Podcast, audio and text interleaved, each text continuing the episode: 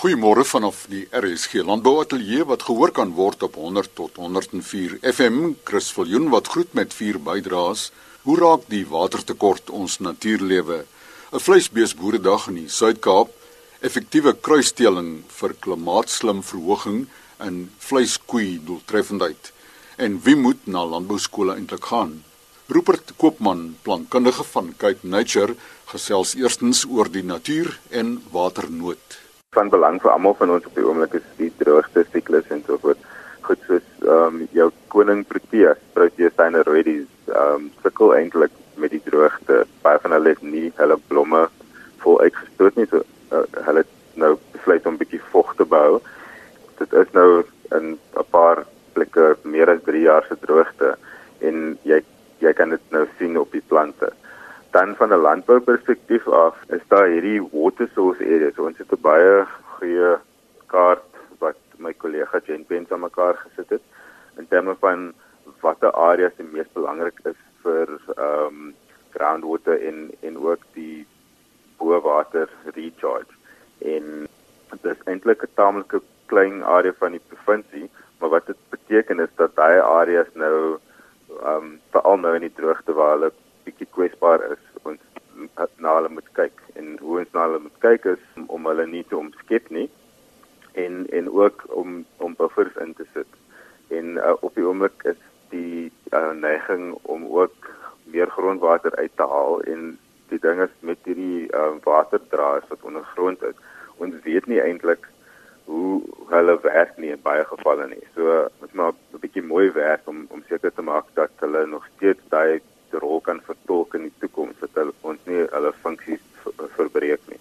In in die fynbos spesifiek is daar ehm um, jy het vlei land gedeeltes en jy het ehm um, droër fynbos en dit is eintlik taamlik maklik om te kyk of daar stres is want daai plante wat met hulle voete nat is is is die wat eerste 'n bietjie gaan stres wys.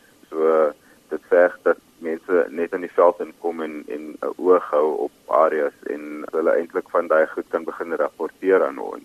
Daar is navorsing wat aandui dat as die reën nie op 'n spesifieke tyd kry nie, is daar van die spesies en spesies wat jy nie sal dink jy jy kan verloor uit die stelsel nie soos die ritte die res jou wat sukkel om weer te hervestig. Kyk, Nature se plantkundige Rupert Koopman en sy e-pos er koopman by kitnature.co.za. 'n Vleisbeesboeredag vind plaas op Donderdag die 13de Maart op die George Skouterrein. Ons verneem by Mani Grobler, spesialis voorligter vir die tuinroete distrik in die departement Landbou in die Wes-Kaap. Dis om die effektiwiteit van hulle koeie te verbeter en dan ook daai steenkalf se gewig te verhoog om die beste ekonomie te kry. Maar behalwe dit het ons natuurlik ons gasspreker is meneer Adrian Kloete van uh, Grassfed South Africa wat 'n bietjie met ons gaan kom praat oor uh, uh, as 'n ou nou self wil afrond op veidings en hoe lyk die mark daarvoor en hoe lyk die ekonomie uh en wat is die protokol as jy wil 'n uh, spesifieke mark wat sê veiding afgeronde diere wil doen. Behalwe dit het ons natuurlik ook uh werk wat op die Outeniqua proefplaas gedoen word wat deurgegee gaan word waar daar uh, verskillende beesrasse gebruik is op Jersey koeie om kruiskalvers uh te produseer. Hierdie kalvers is dan uh intensief grootgemaak en geslag en die vleiskwaliteit bepaal. So ons gaan daai inligting deurgee. Dr. Grobler van Siartsenay Departement Landbou gaan vir ons ook inentings en 'n gesondheidsprogram gee vir die intensiewe afronding van vee. Behalwe dit gaan Sigrin Aman, weidingsnavorser op Outeniqua vir ons ook vertel van wat die beste weidings wat 'n ou kan gebruik in verskillende klimaatstoestande. So ons konsentreer veral op tuinroete distrik, maar ook klein Karoo boere is welkom. Die 13de Maart, die middag, het ons dan 'n werkswinkel veral met meneer Adrian Kloete wat vir ons meer inligting gaan gee oor verskillende projekte en hoe werk Grassfed South Africa en waarmee hulle besig is. Boere wat belangstel, is oop vir almal. Dis 'n gratis uh, dag. So dis by die George Skou gronde word dit gehou. Hulle kan vir Mani Grobler skakel by 079 699 1159. Mani Grobler, spesialis voorligter in die Departement Landbou in die Wes-Kaap se tuinroete distrik, sy telefoonnommer 079 699 1159. En steeds by vleisbeeste van die 11de tot die 16de Februarie van die World Congress on Genetics Applied to Livestock in Auckland, New Zealand plaas. Annette Tennyson, veekundige navorser in kruisdeling van vleisbeeste by die Valarts Navorsingsstasie is een van die gassprekers. Ek het roemryke voorgangers gehad wat sedert die 1980ers of die 70er en 80er jare al baie groot projekte aangepak het, baie suksesvol met groot toewyding. Dit gee steeds vir ons 'n groot bron van inligting. Ons is besig om die uh, projek uit te brei na ander rasse wat as wat oorspronklik in die projek was so die navorsing gaan steeds voort. My navorsing uh, gaan uh, hoofsaaklik heidaglik oor koeie doeltreffendheid en uh, ons wil ook graag koeie doeltreffendheid klimaat slim uh, aanspreek. So met die aanhoudende verhoging in die koste van produksie het vleisprodusente 'n geweldige uitdaging uh, ten opsigte van volhoubaarheid. Nou dit word vererger deur die wisselvalligheid van die klimaatsverandering. Uh die mees onlangse droogte van 2015 wat die warmste jaar was wat tot op hede aangeteken was en uh, wat met uiterste hittegolwe gepaard gegaan het, het die land se kwesbaarheid bewys. Die uh vleisbees uh industrie is maar een van die landbousektore wat sal moet konsentreer op aanpassing en vermindering aan van skade aan die omgewing in reaksie op uh, kweekhuisgas aan uh, uitlatings en aardverwarming. Die aanwending van meer geharde inheemse beesrasse in hierdie veranderende produksieomgewing is die eerste alternatief wat oorweeg kan word. Die mees belangrikste beginsel in die strategie is die klem op die reproduktiewe vermoë van die koeie in die kudde. Nog 'n alternatief is die gebruik van volhoubare kruisteelstelsels dan wat die inheemse en eksotiese rasse saamvoeg sonder dat inheemse rasse uit die stelsel uitgeteel word. Navorsing met kruisteelstelsels het getoon dat dit nie net 'n effektiewe metode is om die reproduksie en produksievlakke te verhoog nie, maar ook om kweekhuisgas uitlatings te verminder deur die effektiwiteit van die koeikudde uh, te verhoog.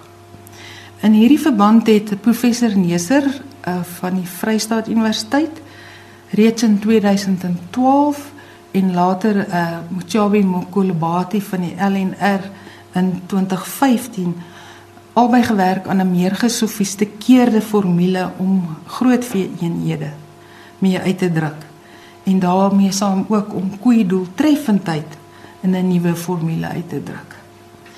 Nou die historiese metode van uitdrukking van koei doeltreffendheid was die meting van die verhouding van kilogram kalf gespeen tot kilogram koei gewig. Met die nuwer insluiting van koei grootte in die groot vee eenhede uitdrukking is dit nou 'n nuwe verhouding van kilogram kalf gespeen per groot vee eenheid van die koei. En is dit 'n beter uit uh, weergawe van koei doeltreffendheid? Dit insinueer dan 'n evaluasie metode vir kruisteelseleksie en teelprogramme uh, met die doel om koei doeltreffendheid te verhoog. Maar dan moet ook soos met enige ander prestasietoetsing aan die diere se voedingsbehoeftes uh, voldoen word.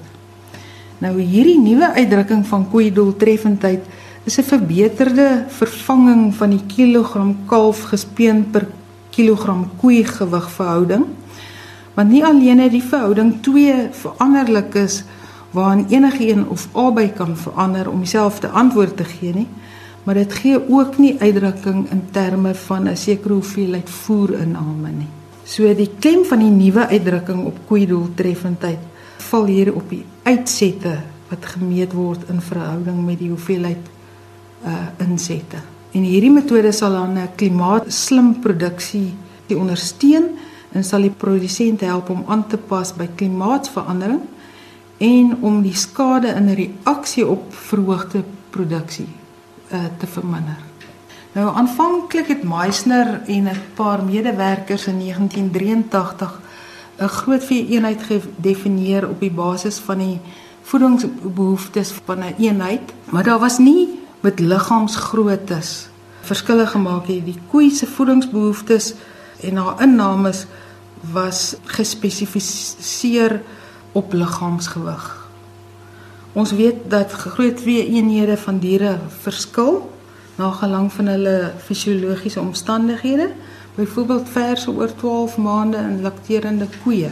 Nou, uh produsente moenie bekommerd wees nie. Die LNR by Irene is tans besig om 'n pamflet en 'n simulasie program te ontwikkel wat 'n uh, eh, realistiese skatting van groot vereenhede uh sal kan doen.